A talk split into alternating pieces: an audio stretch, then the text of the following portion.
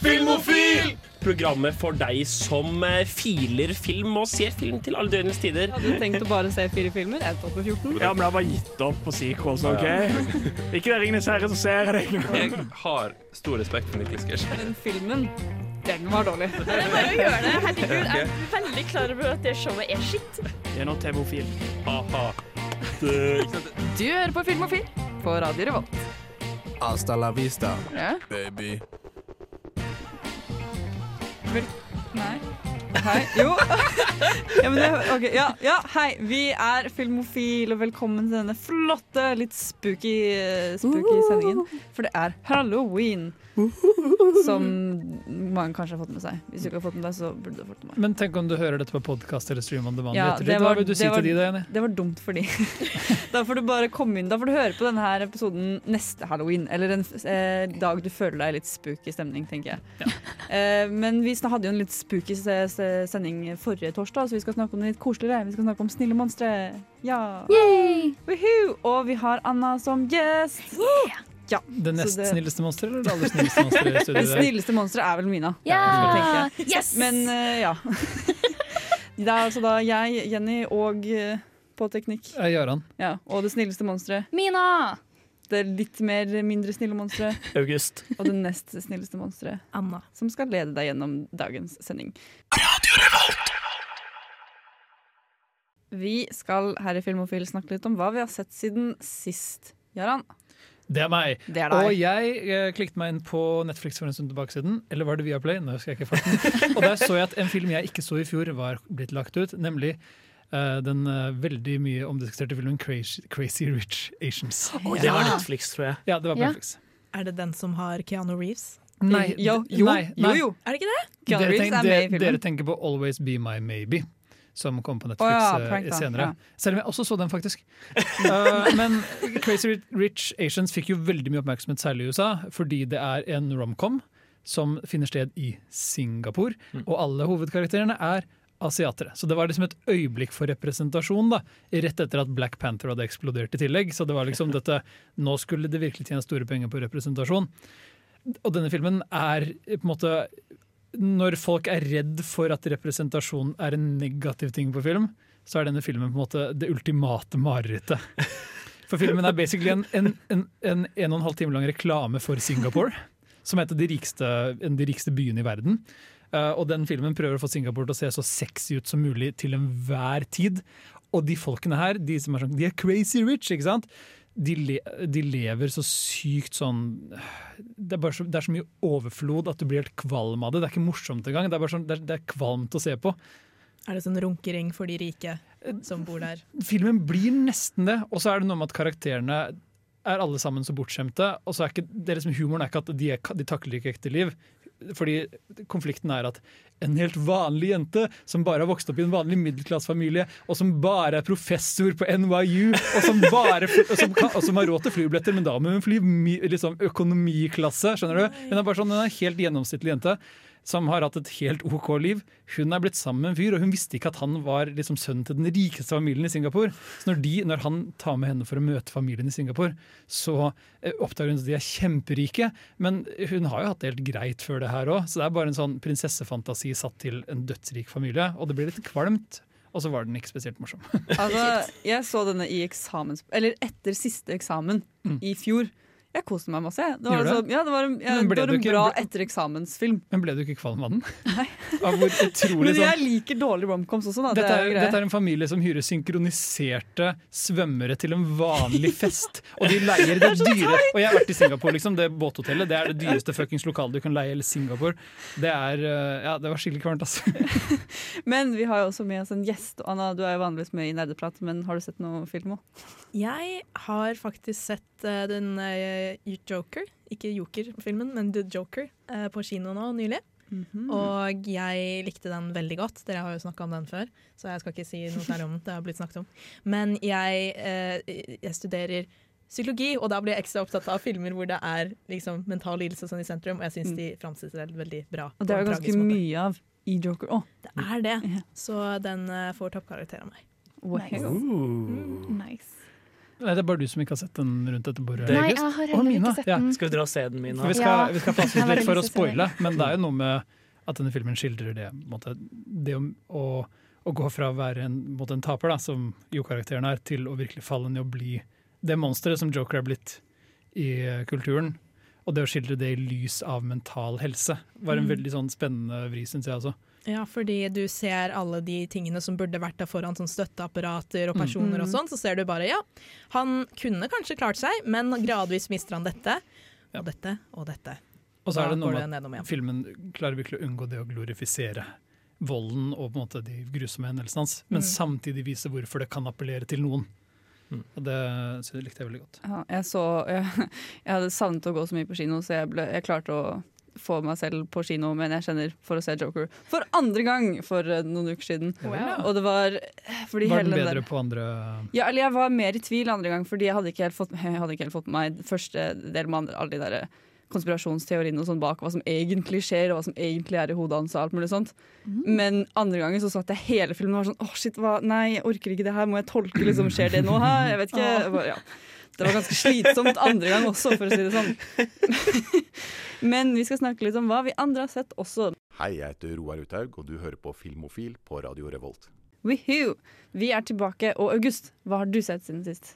Nei, eh, jeg har jo blitt eh, veldig glad i å låne DVD-er og Blu-rays av Jaran, for han har en stor samling, og jeg liker den.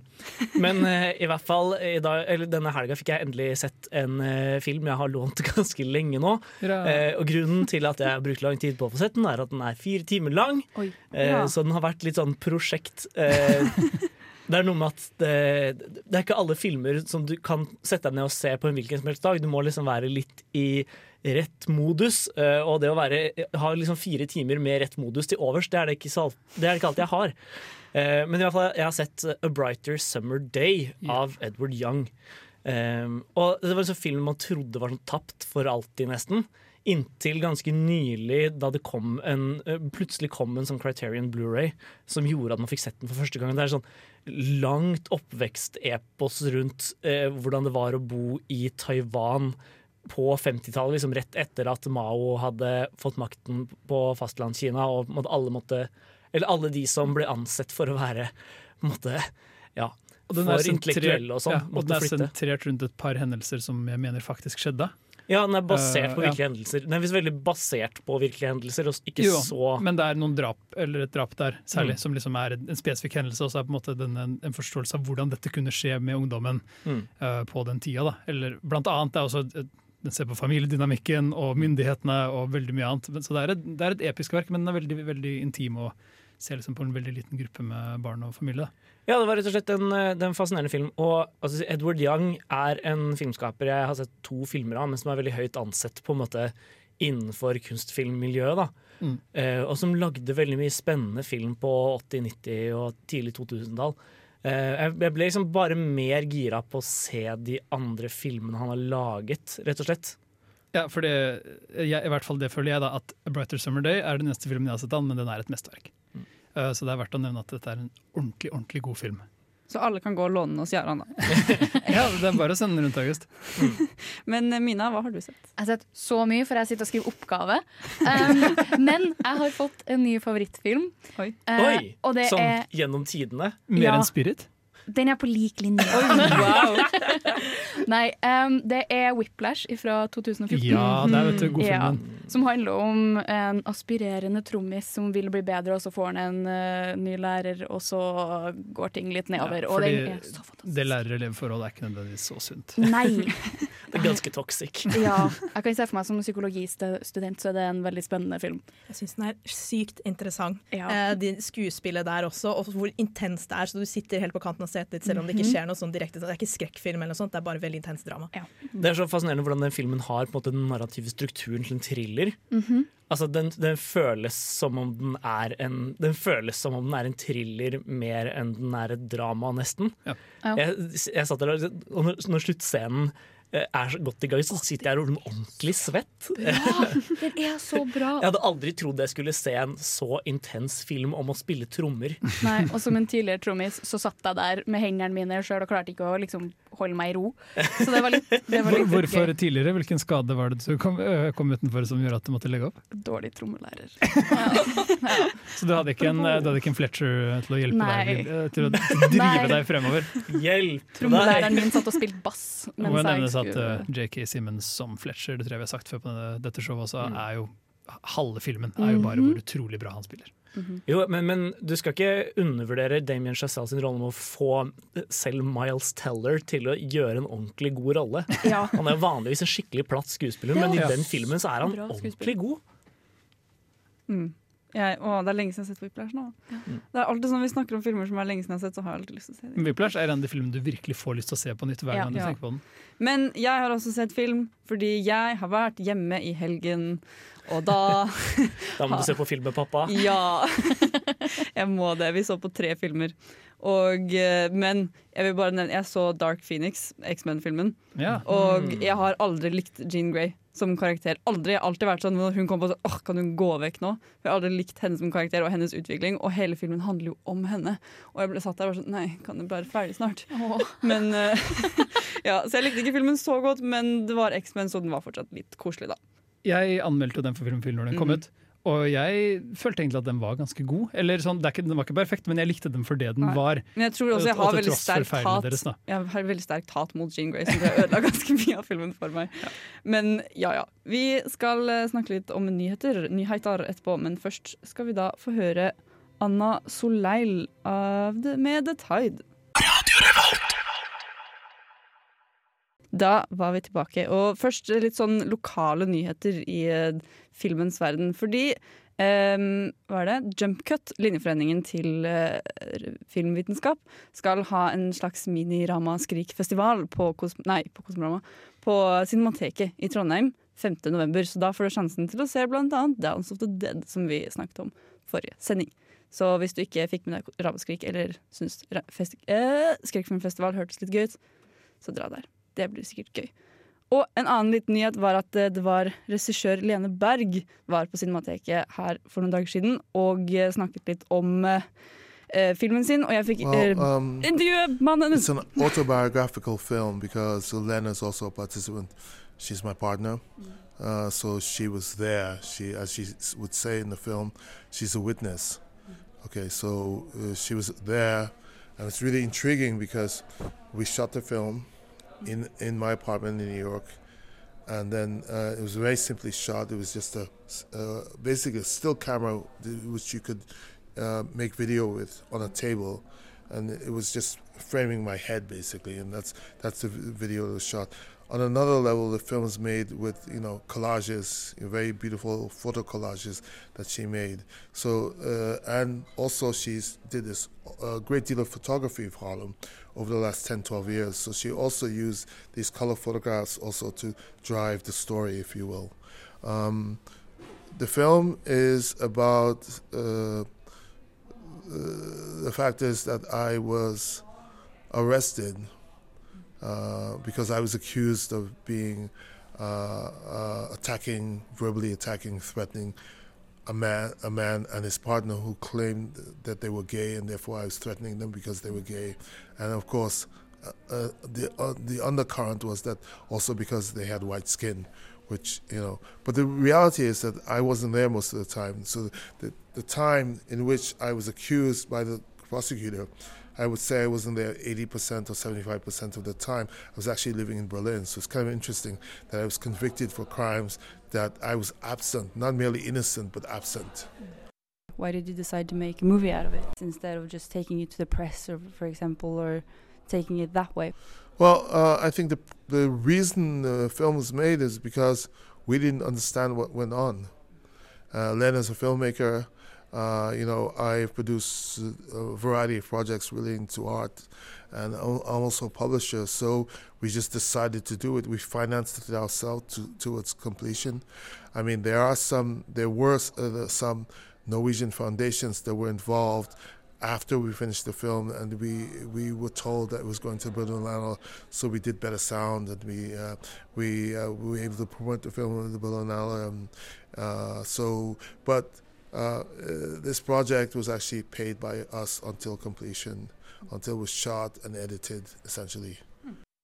And how is it showing the movie in the theaters? How have people reacted to it? Well, um, uh, some of the reactions we've we, you know we've done this tour. We're doing this pilot tour of Norway to see how we can introduce and build an audience around films like this, which are not traditional, you know, Hollywood scenarios, if you will. So um, uh, I've been in Bergen, I've been in Harstad, I've been in Lofoten, so- Svalbard, anyway, uh, Tromsø, um, um, um, Lavik. Um, we did a premiere in, in Oslo. Uh, so I've been in quite a number of cities over the last few weeks, and uh, sometimes the reactions are quite uh, very emotional. Some people cry, some people get become very very angry. Um, but I've seen a number of people uh, people who've actually cried during the screenings, and uh, I you know we don't have an extraordinarily large audience this film because we haven't promoted it heavily in, in Norway, but we're testing how the, the various ways we could distribute it, and we're using Norway as a sort of test market uh, to uh, as we prepare to go global with it. Filmofil presenterer nyheter fra filmens og fjernsynets vidstrakte verden. Gå nyhetstanker! Før dere hørte den verste programledningen jeg har hørt på en stund, hvert fall, så hørte dere The 1975 med Frail State of Mind. Men det som skjedde, var jo bare det at eh, vi hadde litt dårlig tid. Men greia var at jeg fikk intervjue mannen til Lene Berg, som var regissør av False Belief. Og han snakket litt om hva filmen handlet om, og diverse. Men de skal i hvert fall på norgesturné, som han nevnte. Og filmen vises da både i Fredrikstad og Tønsberg kommende i november en gang. Så da har det. Men eh, nå til noen andre nyheter. Yes. Fordi Netflix kommer ut med nye saker og ting som Oi, alltid. Hører dere meg nå? Ja, det var vi, Så vet kult! Ja.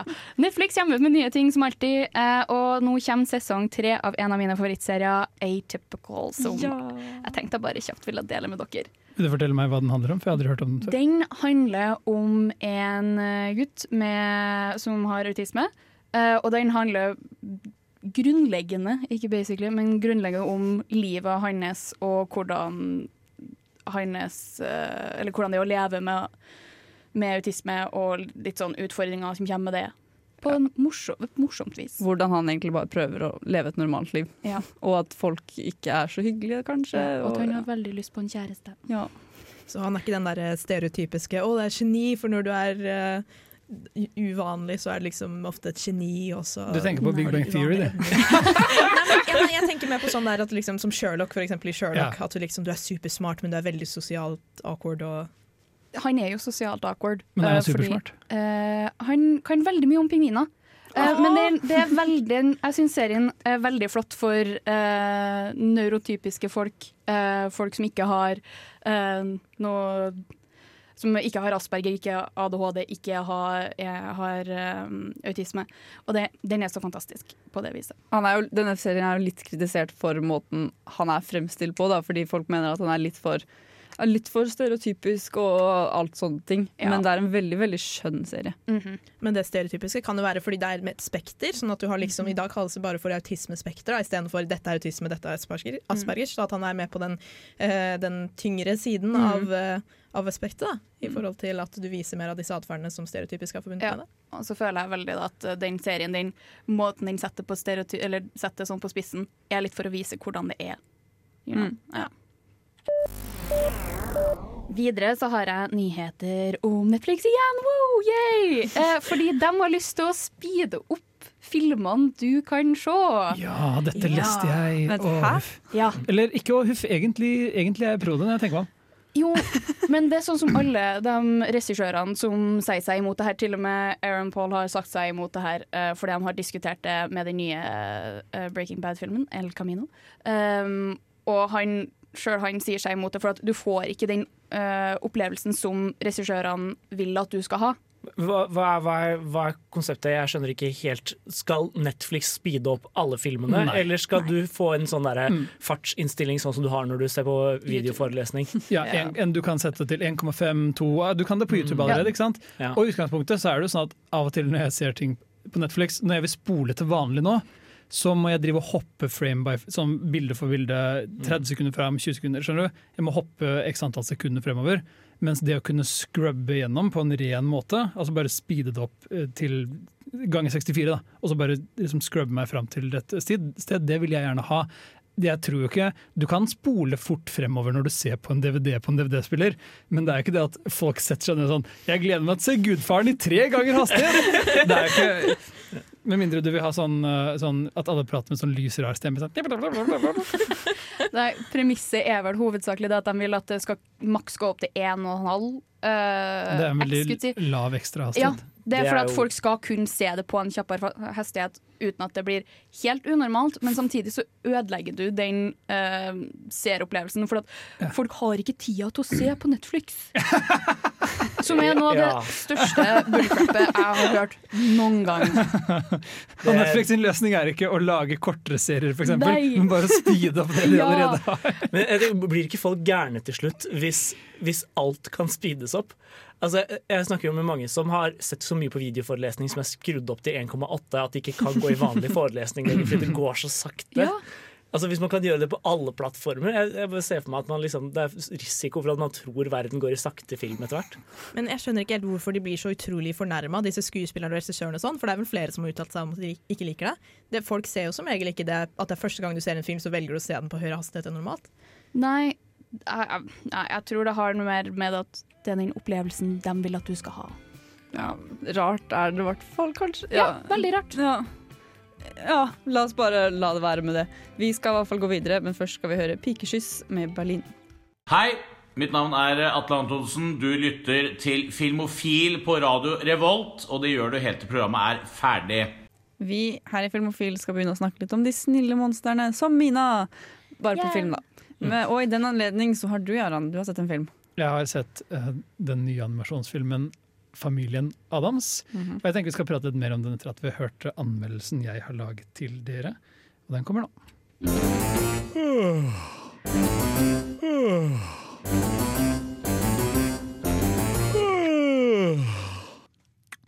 OK. Åh, La oss bare få det her overstått. Alle familier er forskjellige, men noen familier er mer forskjellige enn andre. Er du lei deg, kjære? Ja, fullstendig. Hånden din er like kald som en død fisk. Elskling, det er en død fisk. Familien Adams har en lang historie, både i tegneserier og på TV og på kinoskjermen. Konseptet det er enkelt. Denne sentriske familieklanen elsker alt som er uhyggelig og makabert, men forstår på ingen måte hvorfor andre mennesker synes de er skremmende eller sære, selv om de bruker hverdagen på å forsøke å drepe og torturere hverandre for gøy. En fin dag på skolen, vennen. Gjør ditt verste! Ah, dette er et fengsel for barn. Hvem er det? Jeg heter Parker. Jeg heter Wednesday. Har du ikke mobil? Du har ikke armbrøst, og det er jo noe alle har. Wednesday! Bra skudd! Nå gjør Adams-familien nok en gang sitt inntog på kinolerretet i det mest imponerende forsøket på å kjede livet av en hel publikum jeg noensinne har sett. Plottet er like enkelt som universet, det er nesten ikke-eksisterende i det hele tatt.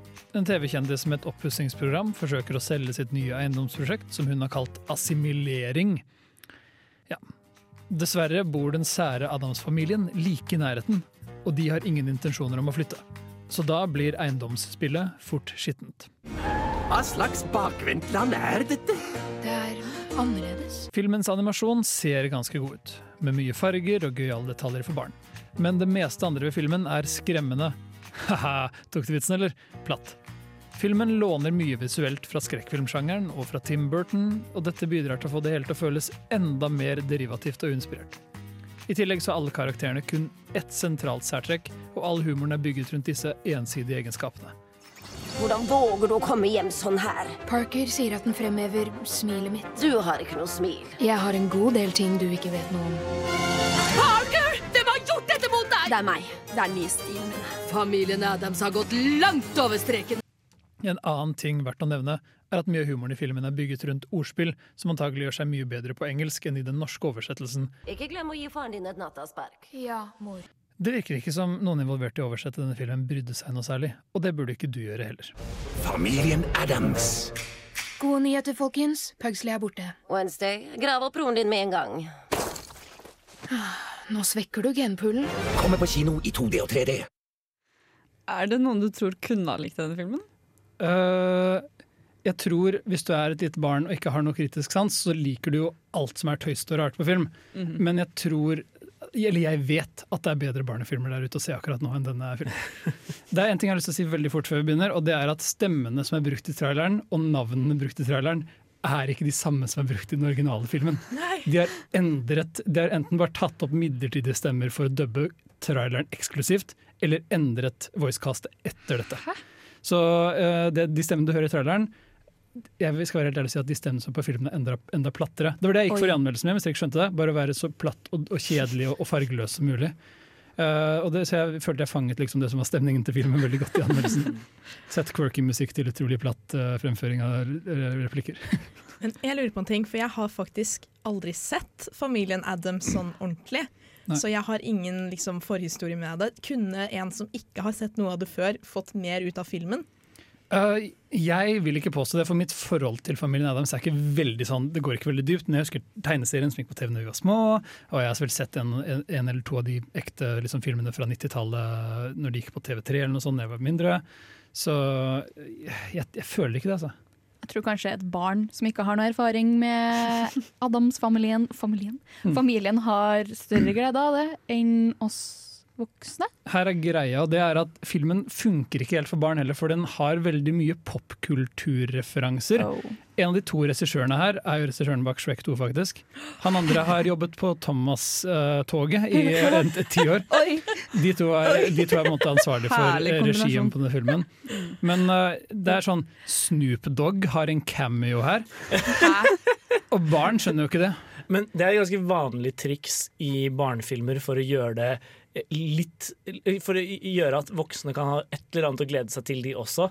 Altså, jeg har sett noen klipp fra eh, eh, Alvin og gjengen eh, live action-filmene. Ja. Og de har sånn The Silence of the Lambs-referanser og sånn. Mm. Så altså, det, det, det, er jo ikke, det er jo ikke uvanlig å ha der, bare sånn at voksne skal ha et eller annet de kan sette pris på. Men jeg syns ikke de funker så godt, og så eldes de ikke så bra. Det er en it-referanse her liksom som ikke funker. Det er sånn, I mine øyne så er det ett program som gjør det bra, og det er Barbie drømmehuset. Er, down. Oh, Barbie okay. drømmehuset, Ja. ja. Mm. ja. Mm. Det er underholdende for alle generasjoner. OK, okay. Jeg har lyst til å bare si en siste ting, og det er at filmen slutter med en hiphop-låt. Det er liksom, skjønner du, det er den, Når creditsene kommer, så spiller de ikke Adams Family-låta, Eller de spiller den nå, men så kommer det bare en sånn hiphop-låt om It's my family! Oi. Nå, nå, nå. Oi. Ja, så Oi, den hadde ikke så mye sjel, altså. Ja, jeg håpet jeg skulle få sett den sånn at jeg kunne få sett noe av Adams-familien, men da tydeligvis ikke, nei. Nei, Vi skal gå videre, men først skal vi høre Lopsley med My Love Was Like The Rain. Vi er tilbake, vi i Filmofil altså. Og vi går over til eh, temadelen vår, som er da snille monstre. Men hva er egentlig snille monstre? Ja, altså det, vi, det vi tenkte var jo egentlig at det er, det er halloween i dag, tross alt. Vi må Den snakke om skumleste dagen i året. Den skumleste dagen i året. Ja, eh, til, de som, til de som ikke ser Mina, så er eh, hun i full, eh, full halloween-makeup. Det, er ganske- det er ganske creepy, faktisk. Jeg tenker vi poster noe på vår Instagram i løpet av dagen. Så Jeg lurer på om det Det er det er postet. Sjekk, sjekk ut Instagrammen vår, så kan dere se hvor skummel Mina ser ut i dag. Jeg vil si dette er ganske bra kostymetips for de som vil ha kostymetips. Mm. I hvert fall, Dette er en skummel dag, og vi tenkte vi, vi må snakke om noe skummelt. Men så snakket vi om så mye skummelt forrige uke, da vi hadde vår Ramaskrik spesial og snakket om skrekkfilm hele kvelden. Så vi fant vi må snakke om noe koselig denne gangen. Så det ble, det ble, det ble snille monstre. Som er ish innenfor, innafor når det kommer til halloween? Det er ganske mange som ser på halloween-filmer om, om snille monstre på halloween. Og også litt innenfor når vi prater om Adams-familien. Mm. Det å ta noe som er makabert og skummelt, men også prøve å selge det til barn og familier. Det Det er, liksom, det er et monster der som ser ut som Frankenstein, det er en avkappet hånd. ikke sant? Men så er det sånn Ja, barn, for barn, ja! Mm, jeg skjøt onkelen din i en pil og bue, og det var morsomt. Det var sånn humor jeg likte. Jeg var. Men det er viktig å presisere at vi snakker ikke om aliens og romvesen. Nei. Det er monstre. Da teller ikke Stitch, eksempel, fra Lilo Stitch. Det er litt Altså, sånn vi- litt grensetilfelle, da. egentlig. Mm. Ja. Jo, men laben Stitch ble grodd i var i verdensrommet. Jo, jo, men mesteparten av tida er jo på jorda. Ja. Men hvis vi tillater Stitch, så må- kommer plutselig alle de andre Ja, romvesenene med også. Som og så- alien. ja. Vi har også spart oss for de, de, de megamonstrene. Kaijus og Godzilla og, og King Kong og Ja, for de er ofte litt sånn Det er litt udefinert om de er snille eller slemme. De er litt mer sånn naturkatastrofete. Altså, De kunne nok dekket en helt egen sending, tror jeg. Kanskje Ja, vi kommer det- tilbake til det en gang. Oh. Godzilla-sending hadde vært veldig, eh, veldig eh, innafor i studentmediene. Det er mye Godzilla-lov her. Mm.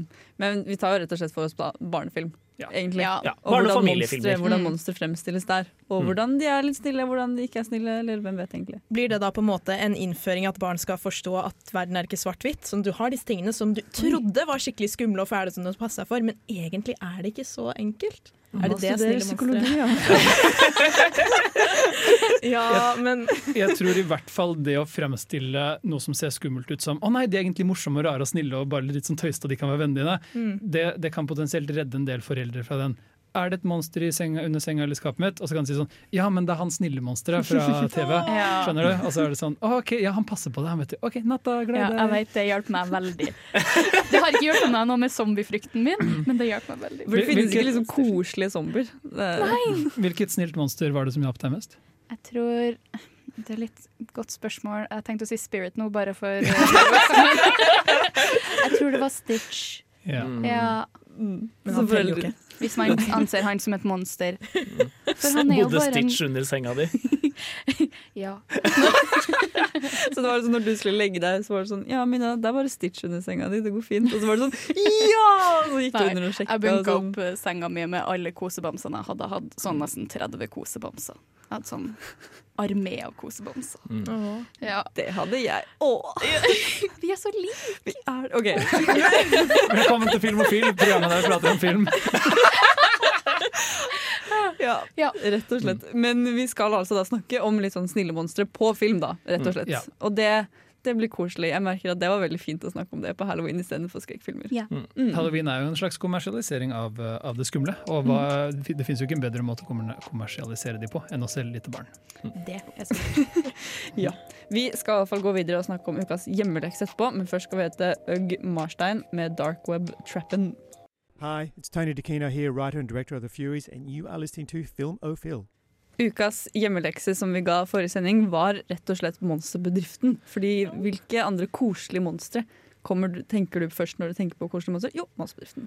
Det er kanskje sant, men da jeg dro og så Monsterbedriften som kino på, som seksåring, så syntes jeg det var dritskummelt.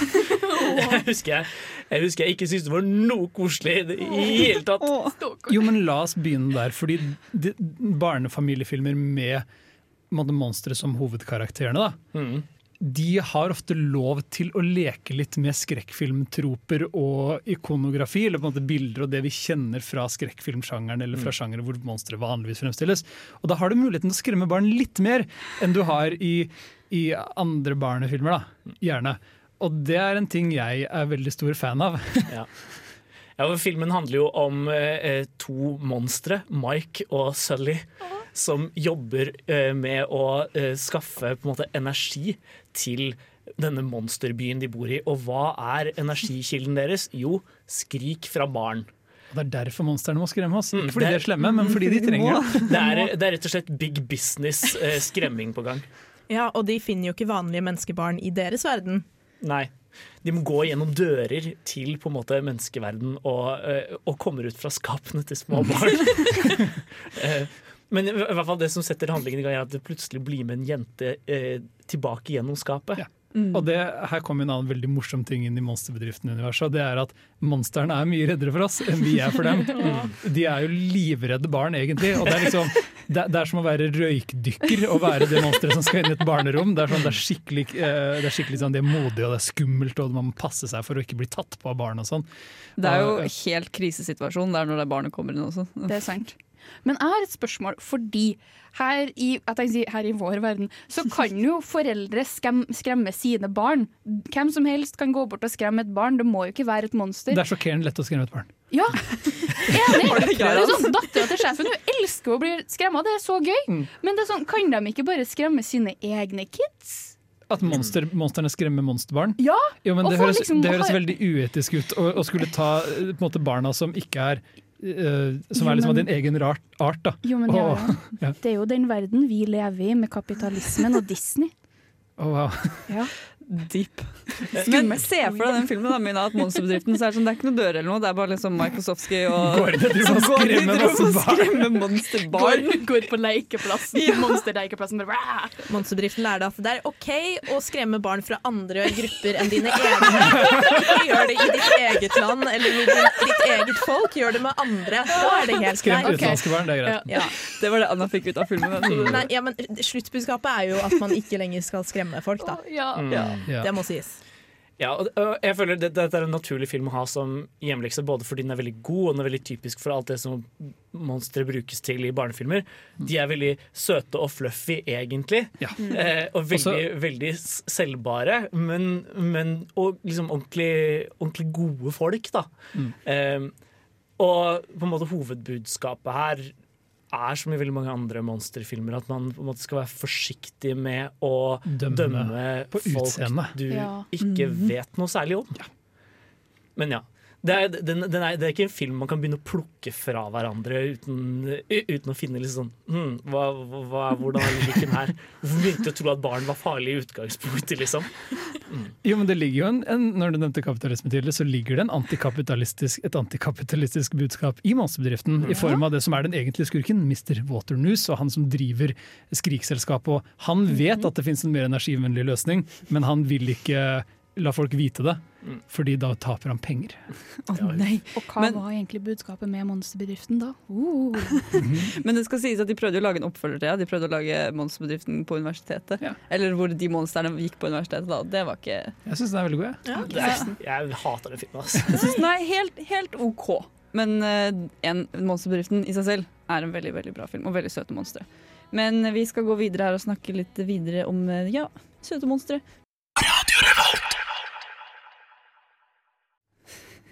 Ja, vi er her i Filmofil. Og det finnes jo monstre som er søte og greie og snille i seg selv, sånn som i Monsterbedriften. At de bare lever et helt vanlig liv. Men så har de også monstre som er snille, men de blir sett på som monstre likevel.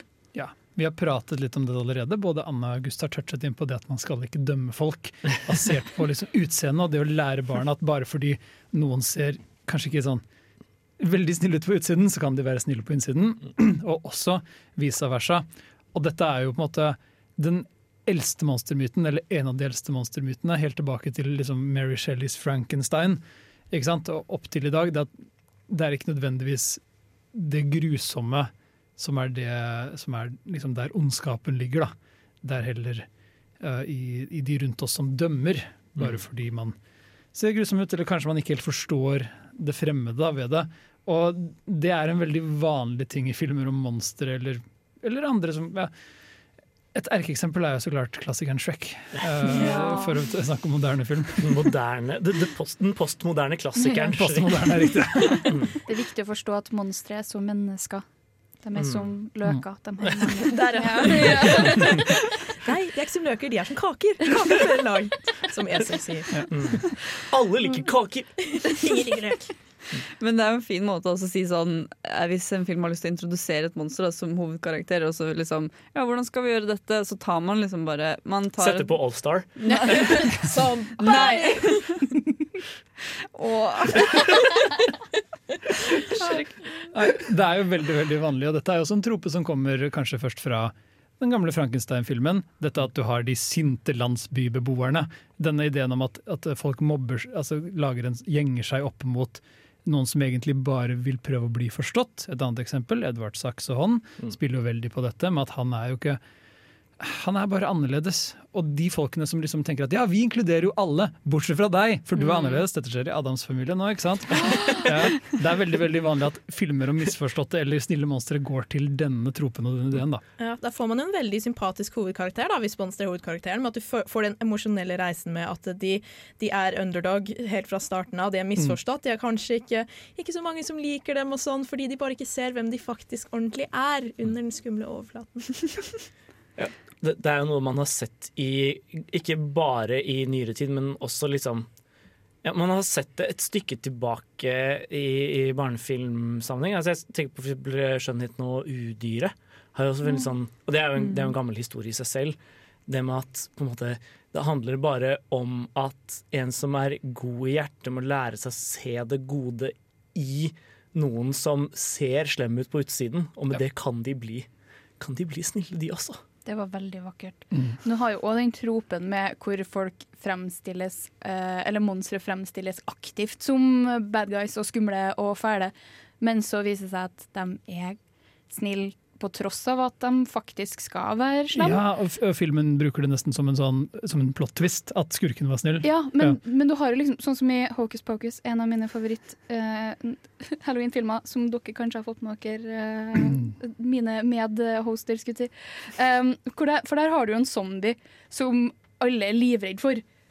Og så får han eh, dratt av tråden som, er sydd, som gjør at munnen hans er sydd sammen, og så viser det at han er ikke slem i det hele tatt. Han bare hater den ene heksa som har Er det det som er greia? Ja! Og så hjelper han Jenny ser så oppgitt ut. protagonistene. Og det er sånn Det er vakkert. Ja, apropos zombier, som er noe annet under. Du har jo det i eh, Natt på museet, hvor du har den skumle zombien Ja. som viser seg å være vakre Rami Malek under, og det er jo Ja, han er vel en mumie, egentlig. Ja. Jo, jo, det er litt det at liksom, å, så skummel han er, men så er det sånn Nei, det var, han var egentlig kjekk og søt og snill. Ja. Det er det viktigste. oh, en film som vi ikke fikk sagt, men som jeg også vil nevne, som også er veldig fin der, er How to Train Your Dragon. Ja. For da er jo han godeste tannløs. Han er jo veldig skummel og slem og sånn, men så finner man ut at med en gang man bare gir han litt kjærlighet, så er han hyggelig og snill allikevel. Men eh, vi skal gå videre og snakke om en av mine favorittfilmer, eh, Halloween-filmer. Men først skal vi høre High As A Kite med Can I Be Forgiven. Hei, jeg heter Stig Frode Henriksen. Hei, jeg heter Sahid Ali. Hei, jeg heter Evy Kassett Rusten. Hei, jeg heter Alexandra Aurebekk Nilsen. Og du hører på Filmofil! For meg så er det ikke ordentlig halloween før jeg har sett A Nightmare Before Christmas. Det er en av mine tre halloween-tradisjoner. Fort si hva du andre er. Det er Coraline og Corpse Pride. Takk for det. Ja, takk for meg. Og, men Anna, hva er egentlig A Nightmare Before Christmas? For, for jeg har aldri sett den før. Oi, Aldri. Nei, det er favoritt. Uh, Ja, aldri sett den før. Det er en film fordi Ok, Det er mange folk der ute som trenger virkelig, De er litt, de er litt forvirra over når halloween slutter og når jul starter. At man kanskje begynner å tenke på jul før halloween er over, og før desember. og alt sånt. Jeg syns at 'Nightmare Before Christmas' er en veldig god film for deg som trenger de klare linjene. For nå er halloween ferdig, og nå begynner jul, hvor du får den overgangen, den segwayen, ikke sant. Mm. Den fanger jo veldig den ånden av å se julebrus ved siden av halloweendekorasjoner i butikken. Det fanger heldigvis ikke opp den irritasjonen og det hatet du får inni deg når du ser at de har begynt å selge julebrus, selv om det ikke er november engang. Mm. Men det er en veldig god film for deg som liker koselige monstre og fine overganger. Ja, for hva handler egentlig filmen om? Det handler om et skjelett, et monster som heter Jack Skellington. Han er vel ikke bare et skjelett, han er også kongen av Ja, han, han er kongen av halloweenland, fordi du har ulike land for alle de ulike årstidene. Mm. Og et av de er halloweenland. Eller ikke de ulike årstidene, men ulike høytidene. høytidene. ja, ja, takk. Og ved et uhell så oppdager han et annet magisk land som er julelandet. Og det har han aldri sett før. Dette er helt nytt for han. Og her skremmer ikke folk hverandre. De går rundt og gir hverandre gaver og lager eh, snømenn som ikke har avkapte faktiske hoder og sånt uh, ukoselige greier. Så dette blir han veldig fascinert av. Det er noe helt nytt. Og så kommer han tilbake til halloweenverdenen, så vil han lære alle om dette nye han har sett. Fordi uh, han, han, han blir veldig veldig gira på det, fordi en av de tingene som virkelig fanger meg med denne filmen, er hvor lei han er av halloween. og det er ikke at jeg er lei av halloween, men det er noe med at han, han er sånn Han gjør sitt beste hvert år, men han bare har ikke den kreative gnisten lenger. Han trenger å bli inspirert, og den varme følelsen han får av jul, den har han så lyst til å kommunisere. Han brenner så hardt for å forklare hva han føler. Ja. Men de andre som bare, som bare lever halloween dag ut og dag inn, altså eh, spøkelsene og heksene og, og mumien og sånn, de, de, de klarer ikke helt å skjønne det. og det kommer mye god humor derfra. Men det er bare det, hele tiden denne litt sånn frustrasjonen som Jack føler på, den, den liker jeg veldig godt. Ja, så er det også veldig koselig da, at han, er liksom, han blir skikkelig lei av å holde på med halloween-ting, og sånn, og så går han og prøver noe annet. Han prøver å få jul til halloween-byen, og så finner han at det går ikke så bra. Så det er sånn Nei, men da går vi tilbake til halloween igjen, og så liker vi det skikkelig godt. Så det er sånn, ja, du feila på en ting, bare hold deg til det du er god til, du. Ja, han er rett og slett som en fyr som er sånn lei av jobben sin.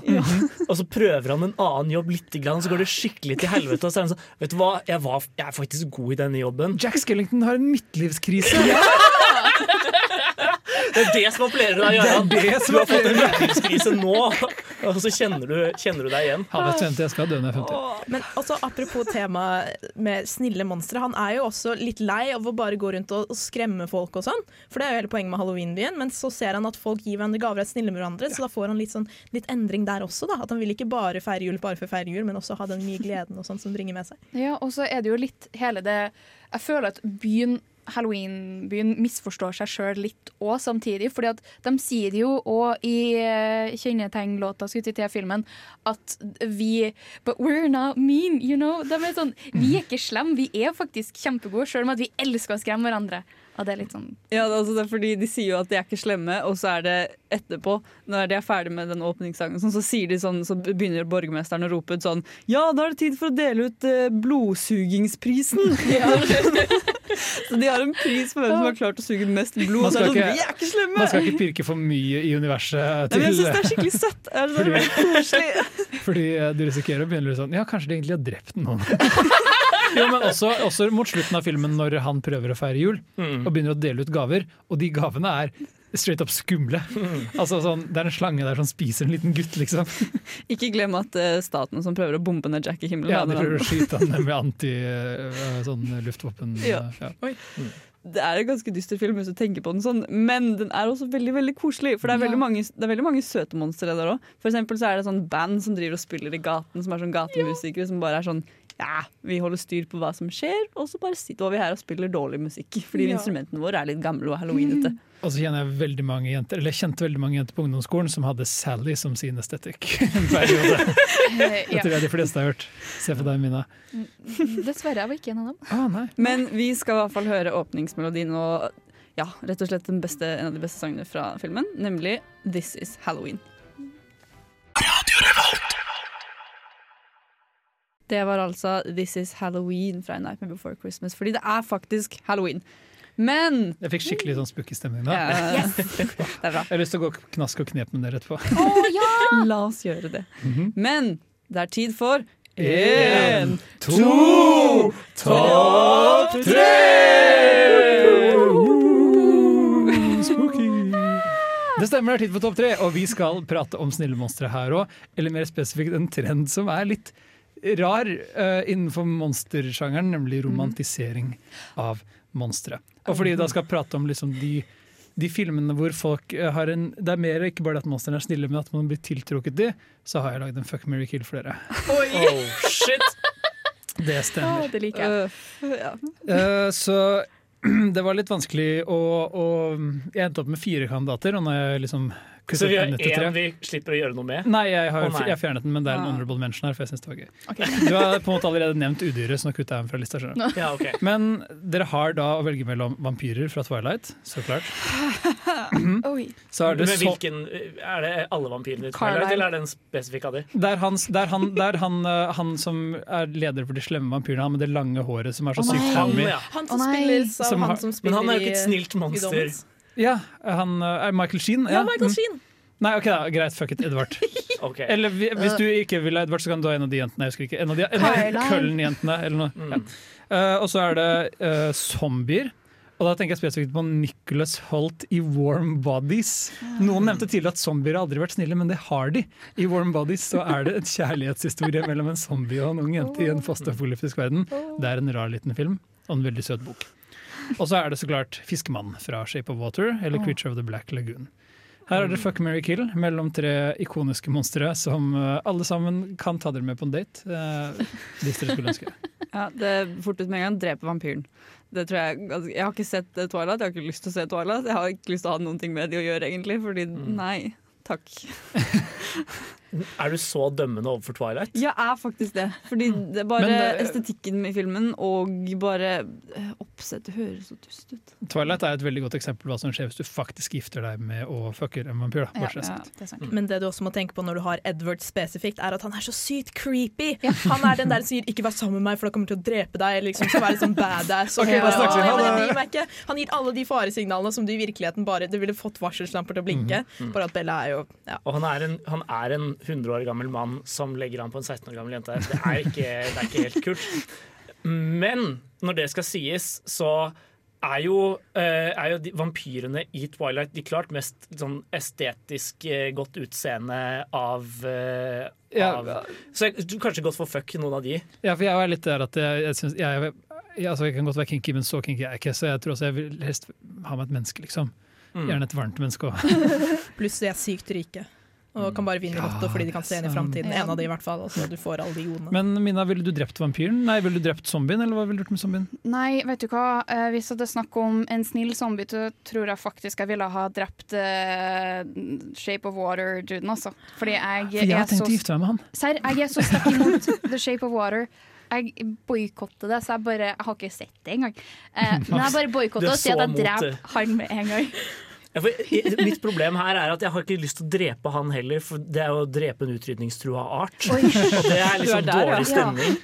Eh, så jeg må liksom eh, Jeg må bestemme meg. Enten må jeg utrydde en utrydningstrua art, eller så må jeg gifte meg med den eller ha sex med den. Og det er på en måte ingen gode alternativer der, da. Men du kan jo ikke få barn med den, så da får du jo uansett, det er uansett en som kommer Man til å dø. vet jo ikke, da. Man vet jo ikke Det jo, de sa jo det samme med vampyrer, så jeg tenker OK, fuck den Shape of Water-duden. Kill zombie og marry Carlisle, uh, faren i Twilight. Ja, vi får tenke mer på dette vi andre mens vi går til en liten pause, men først skal vi høre Juska med Beverly Mind. Hi, this is Brian Usen. I'm the producer of Reanimator and the director of Society, and I'm with the Filmophile people, and uh, we're all having a great time. Vi har en veldig god tid her, Brian Jusne. For nå skal vi snakke om en liten serie som heter Over the Garden Wall. Ja! Oh, for det er ukas Ja, ja, nei, vi TV-serie. glemte det. Hva vil skje? William må svare. Jeg Godt oppsummert. Ja. Godt oppsummert. Men uh, hva er denne serien for noe, Mina? Godt spørsmål, for den her har jeg sett med mine roomies, for at en av roomien min tvang oss, basically, og det er jeg glad for. Uh, Shout-out til Helle igjen. Um, Tvang er bra, dere. Ja, enig. Den handler om to brødre, uh, Vurt, eller Virt og Greg, eh, som går seg bort i skogen. Ja. Hvilken skog er det? Det får vi ikke svar på med det første. Og i den skogen så møter de på mange forskjellige monstre. Hm, eller er de monstre? Er det det du lurer på med serien? Hva skog, hvilken skog de er i? Ja, de, de spør jo seg sjøl om det i løpet av serien. At liksom, vent, det er jo det er en av åpningslinjene i serien. Vent, Ja. hvor er vi? Ja, ja, men Ja, det er jo en av hovedgreiene. De skal jo komme seg hjem. Mm, men hvor er hjemme, og hvor er de egentlig fra? Hvor skal Ja. de, og hvordan gikk de seg vill? Er jo et spørsmål som du føler sånn Ja, dette er et, bare et rammeverk for små enkeltepisoder, men så viser det at nei, det er, dette er egentlig historien. Og så vil du, vil- du sier de møter monstre, men mer enn noe annet så møter de en ting vi touchet litt på når vi nevnte Shrek tidligere. og det er at monstre kan dukke opp i eventyrfortellinger og i eventyrkontekst, og ikke bare i sånn uh, familien Adams og Frankenstein, men liksom at det er, det er basert i, i folklore, hva heter det på, på godt norsk? Sagn. Sagn, ja. ja. Stemmer. språkekspert Anna er på saken. For dette, dette låner jo veldig mye fra amerikansk på en måte, mytologi, i den grad Amerika har mytologi, Ja. fordi det er et såpass ungt, ungt, øh, Land. ungt land. Ja, ung nasjon med veldig ung kultur. Det er sant. I motsetning til det de fleste amerikanere vil at du skal tro. Og så driver roomien min og maser om at hvis at du ser på helheten av Over the Garden Wall, så er den uh, basert på Eller den, den kan sammenlignes sterkt med en eller annen sånn gammel eh, tale eh, som starter på det, som jeg ikke kommer på navnet på. Gjett hva Så- mine tenker på i dag! Det er ikke Dante. Jo! Det er Jeg visste det. Dante! Jeg visste det. Ja. Alt, alt som er en, ev en sånn reise, sammenlignes alltid med Dante. Ja. Men det er jo ikke Dante i det hele tatt. Det er ikke Nei. i det hele tatt. Sorry, Helle. Jeg er ikke enig.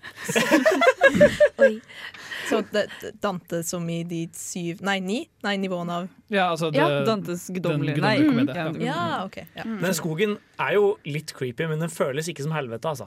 Nei. Nei. Men de er jo, eller det viser seg jo i løpet av showet uten å spoile for mye, at denne skogen er jo ikke i vår verden, i hvert fall. Nei. Men er den helvete? Nei, det er jo et godt spørsmål. Men de Men du må se det fra en kid sine øyne òg, da. Mm. Fordi det her er jo to barn som går seg bort i en skog. Men de har jo hverandre og Ja, men du kan jo forteller hverandre om steiner og sånn. Du kan jo møte på andre i helvete òg, liksom. Men, men showet er jo veldig sånn For det første så er kjemien mellom Vert og Greg kjempegod. Ja, og Vert er eh, meg når jeg gikk på ungdomsskolen, til en viss grad. Jeg tror, og de fleste når de gikk på ungdomsskolen. Han er angsty og sær og føler seg litt utenfor, selv om alle egentlig syns han er en hyggelig og uh, god fyr. Så er det sånn Han var sånn Nei, det er ingen som liker meg. Alle bare sånn Hei, hei, Vert, vil du være med oss og henge i dag? Og han var sånn Å, det er så vanskelig for meg. Verdt å nevne at det er eh, Elijah Wood som har stemmen til Wart. Ja. Mm -hmm. som Greg er spilt er uh, av en bitte liten gutt som er på Gregs alder, faktisk. Så mm. veldig, veldig søt. Men det er så fantastisk at Elijah Wood får til å spille sånne angstige «Åh, gått meg bort-roller så fantastisk bra.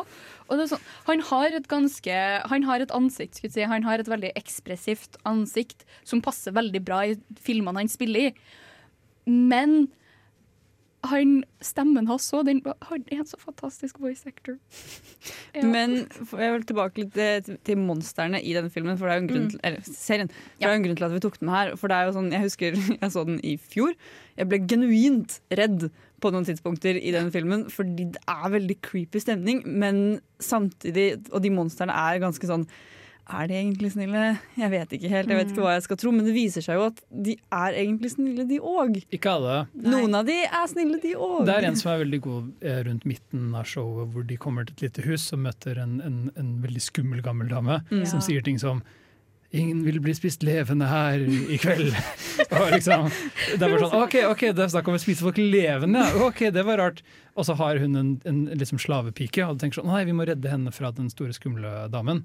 Men så viser det seg at rollen er litt reversert der, da. Ja, det er et godt eksempel på at du ikke alltid skal dømme et monster. Men jeg føler også at monsteret vi møter på helt til slutten, òg er ganske misforstått, egentlig. For den har sine baktanker og sine grunner til hvorfor den oppfører seg som den gjør. det er lov å si. Mm. Det er en veldig søt serie, i hvert fall. Den passer veldig godt til halloween. Så, og den er- kan det binge-watches på én time eller noe. Ja. For episodene er veldig korte. Så det er sterk anbefaling. Eh, Hei, det her er Dag Johan Haugerud. Jeg heter Torbjørn Harr. Og jeg heter Yngve Sæther. Jeg heter Jan Gunnar Røise. Og du hører på Filmofil! Vi skal rett og slett tilbake til Dante, vi, for vi skal snakke om en film som er regissert av Joe Dante. Bra Segway. Hvilken film er det, Jaran? Vi skal gifte oss til Trine, for det var utrolig. Vi prater om Joe Dantes 80-talls mesterverk Gremlins. Yes. Og hvorfor det? Gremlinsene er jo ikke noe, de er jo kjempeslemme. Eller i hvert fall noen rampetroll. av sånn, altså En gremlin i seg selv, rent mytologisk, kommer jo liksom fra et sånn, et u, et ugangs, en ugangsvesen Mm. som er skyld i alt sånn teknisk rot og, og og kluss. Men det er noe med dette at Gremlins er til tross for Eller ikke til tross for, men definitivt egentlig en familiefilm. Ja. Og en familiefilm med monstre veldig sentralt. Mhm. Når vi prater om liksom det å kommersialisere uh, monstrene, ja, så vil jeg prøve å si at de, de gremlinsene og mogwaien, den lille gismo som gremlinsene måtte fødes fra, det er så markedsførbart som du kan få det. Disse designene er geniale når det gjelder å selge leker. Ja, eh, hele premisset er at en, eh, en eksentrisk eh, oppfinner skal skaffe en eh, gave til sin, en julegave til sin sønn. Mm. Og så eh, drar hun inn i en sånn eksotisk asiatisk eh, eh, eh, krimkramsbutikk, og så Som kanskje er litt, hvis de skal remake Gremlins, ikke ha med det aspektet Ja. neste gang. Det er kanskje litt utdatert. Men i hvert fall han eh, finner eh, sånn et veldig, veldig lite og søtt dyr eh, Mm. som han spør om han kan få selge. Og så får han beskjed om- nei, om han kan få kjøpe, og så får han beskjed om nei, du får ikke kjøpe den. Han sånn, jo, kom igjen da. Altså, til- slutt, ok, men det er et stort ansvar. Du må for all del ikke la den være i nærheten av vann. Ikke maten etter midnatt. Ja. Og ikke eksponere for sterkt lys. Sterkt sollys. Mm. Ja. Og eh, gradvis så skjer jo alle disse tingene. Mhm. Og det viser seg at eh, ja, det, det eskalerer da, og plutselig er hele den lille småbyen i fare. Ja, fordi inne i denne lille søte mogwaien som kalles Gismo, så, så bor det på en måte on- onde gremlins. Mm. Som er mye mye styggere enn han, og mye eklere og mer rampete enn han. De er jo så søte! Jo, de er, de er søte på en- søte stygg måte. Men De de, er- de er men- ja. de er den perfekte blandingen mellom litt ekle og skumle og morsomme. Mm. Fordi det er En ting som jeg elsker med Gremlins, er den hvor bra den balanserer humoren og det å være en genuin trussel. Det er Ja. mange øyeblikk der som er sånn ordentlig morsomme, og så er det en del Gremlins-angrep som faktisk er litt sånn ekle å se på. Litt sånn, ah, det er spooky. Det er lenge siden jeg har sett den, men er det sånn at det er ganske blodig til tider, eller husker jeg Nei. det helt feil? Det er én sekvens hvor en gremlin smeltes i en mikrobølgeovn. Ja, uh, som er litt sånn, Men det er gremlin-gore, da. Ja. Den er absolutt det som var på en måte PG-13, uh, eller altså den ungdomsdemografen. Men det er det at den, den bikker akkurat av og til bitte litt over til å være litt mørk og, og skummel til tider. Og det, det er ikke nok filmer der som du kan se i dag som kan skremme barn og underholde de samtidig, føler jeg. Det er sant. Altså, Monsterbedriften skremte og underholdte meg. Men uh, denne filmen er jo et fint eksempel på at uh, man alle er jo egentlig snille, men man kan gjøre de om til monstre hvis man bare behandler det litt feil. Hvis du mater folk etter midnatt, eksempel. Ja. da blir man litt monstre. Nattmat, folk som står på Burger King to på natta, det er monstre. Altså. Det er gremlins. Det er det ultimate eksempelet på at du er ikke deg selv hvis du er sulten. Eller det. Men det blir jo veldig Stitch, da. For å Ja. dra tilbake han. Det er jo veldig sånn at monster, eller Han er jo et sånn slemt monster, men han kan være snill hvis at du ikke Eller hvis du bare lærer han opp, eller ikke utsetter han for ting han ikke liker. Fordi i uh, Lilo Stitch, En av favorittscenene mine er når du ser at dette er slemhetsnivået ditt, og så tegner du sånn nesten opp til ørene. Jeg føler at det er De to kommer med Gremlins for at når, når de faktisk blir gærne, så går de helt opp til Ja, det er sant. Det ble også nevnt tidligere i dag at uh, um, 'Nightmare Before Christmas' er den perfekte filmen for å ta liksom, halloween videre og, og klare å liksom, komme seg mot jul. 'Gremlins' er jo den perfekte altså, sluttspillet her, da, i så fall. Hvor du har tatt med deg disse, disse, skumle monstrene inn i jul. For 'Gremlins' er jo en julefilm, finner sted uh, rett rundt jul. Det er, liksom, det er snø og julemusikk og julelys. Og den har en veldig sånn, uh, spesiell atmosfære. Som eh, jeg setter veldig stor pris på. Så det er da filmen for dem som syns at halloween fortsatt varer ut i november, og vil at jul skal starte desember, eller 1. desember. Juleskrekkfilmer er en liten nisje, men den fins, og det er en Ja. veldig god nisje. Krampus. Krampus er der, Black Christmas. Ja. Silent Night, Deadly Night. Én til fire, eller er det fem? Oi, shit. Det er, masse filmer, de. det er masse filmer der ute for ditt behov, enten om du liker halloween, eller liker jul, eller liker begge deler, eller ingenting. Men ingen så god som Gremlins. Det er Ingen altså så god som Gremlins. Og mesterverk. Nightmare Before Christmas. Mm. Som en fin liten avslutning på denne halloween, eh, litt annerledes halloween-spesialen vår, kan du si, så skal vi snakke litt om våre favorittmonstre på film. Våre favorittsnille monstre. Våre snille monstre på film. Og, eh, Er det noen som vil ta det for seg? Ja, jeg har veldig lyst til å få nevnt et, eh, en film som har veldig mange sjarmerende og litt skumle monstre, eh, nemlig 'Spirited Away'. Eller 'Chihiro og heksene' på norsk. Jeg syns den var oppriktig skummel da jeg var liten.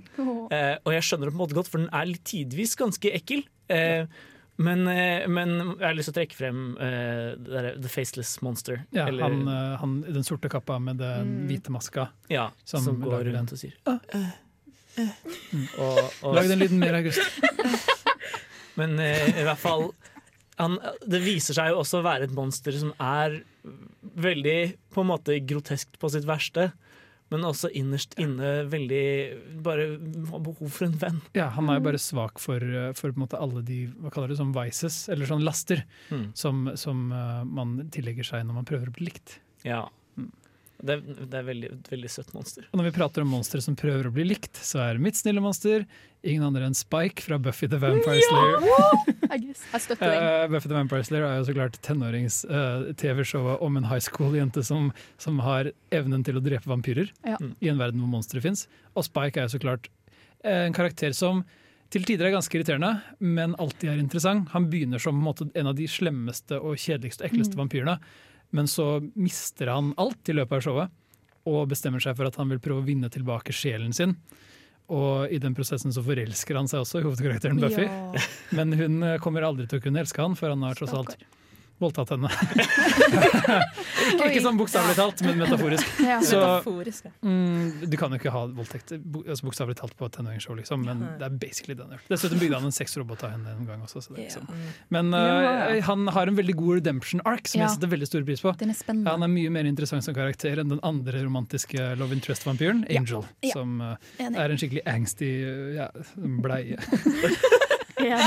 Har du noen favorittmonstre, Mina? Det er så mange å velge mellom. Jeg har så lyst til å si Tapper den pysete hund, hvis at han kan velge. Så jeg har lyst til Men å han si er jo ikke helt monster, han Nei, er jo en hund. Han er jo ikke en hund heller. Det er jo et eller annet off med han. Noe er galt der. Ja, et eller annet galt. Og så er- Scooby-Doo er jo et monster. Ja, og der, der, kommer jeg, der kommer jeg til mitt favorittmonster. Ja! Akkurat. I, den- i den live action uh, oh, på Monster Når, Island. når han sitter oh, inni roboten som er Rowan Atkinson er eller noe sånt. Ja! Han, jeg elsker den filmen. Det var favorittfilmen min da jeg var mindre. På Han er i hvert fall en skurk, da, men ikke et monster. Men det er noe Ja. galt med de hundene. For det er, Ja. ingen, ingen hund har så stort hode og så liten kropp. Nina, altså. Anna, har du noen favorittmonstre? Jeg, jeg skulle egentlig si Hufsa, men jeg er, ikke sånn, jeg er ikke veldig glad i henne. Men hun er jo egentlig veldig misforstått, på en måte. Kan man ikke si det? Hun er jo et snilt monster på én måte. Altså, hun vil ingen noe vondt. Hun Nei. bare skader det likevel. Akkurat som meg. Det onde, onde monsteret er jo hun isprinsessen som ser veldig pen og snill ut, men hun har jo gjort henne om, Hufsa om til det der lilla blobben som hun er. Ja. Som bringer med seg kulde, og alle er redde for henne. Du burde se den nye Mumin-serien. Ja. ja Mumin Valley. Den er fantastisk. Alle sammen gå og se den. Den er fantastisk. OK, Mina. Jeg syns, fordi Vi har ikke nevnt Hotell Transylvania i denne sendingen, og det er jo et veldig klassisk eksempel også på at det finnes veldig mange monstre, og alle er egentlig veldig snille. For det er jo basically bare et hotell hvor det bor masse forskjellige monstre, og så prøver de bare å få dette hotellet til å gå rundt. da. Mens det, og det er et hotell for monstre, men så kommer det et menneske inn i, inn i spill på et tidspunkt, og så blir det litt sånn vi må, vi må ikke vise at vi er monstre! Nei, vi må prøve å skjule det, og det funker jo sykt dårlig når det er sånn varulver og sånn usynlige menn som løper rundt der. For det, det er alle de klassiske sånn Universal-monstrene. Ulvemannen Ja. og Den usynlige mannen og Dracula, Ja. Frankenstein. Mumien. Mumien ja. Mhm. Creature from the Black Lagoon, den fiskemannen. Jeg tror vel kanskje Hovedproblemet mitt med den filmen er at den føles veldig sånn Monsterbedriften Sånn, Oi, hva om det fantes et univers hvor det var bare monstre? Men, men, så kommer det et menneske! Ja, og- og så har de vært sånn- Og så er det alt skikkelig ubeleilig, Og så har de prøvd å, så har de prøvd å blande inn den tonen som er sånn Despicable Me Minions. Eh, Den, ja, det er sånn, hva hvis vi gjorde det enda mer sånn wacky og tøysete? Ja. Fordi da kan vi selge det til flere barn, og så har det mistet all sånn Det er ikke så mye sjel i den. Uh, Men det skal sies at den- ser veldig bra ut. Mm, og så er det litt gøy, for den, eh, jeg har sett alle sammen.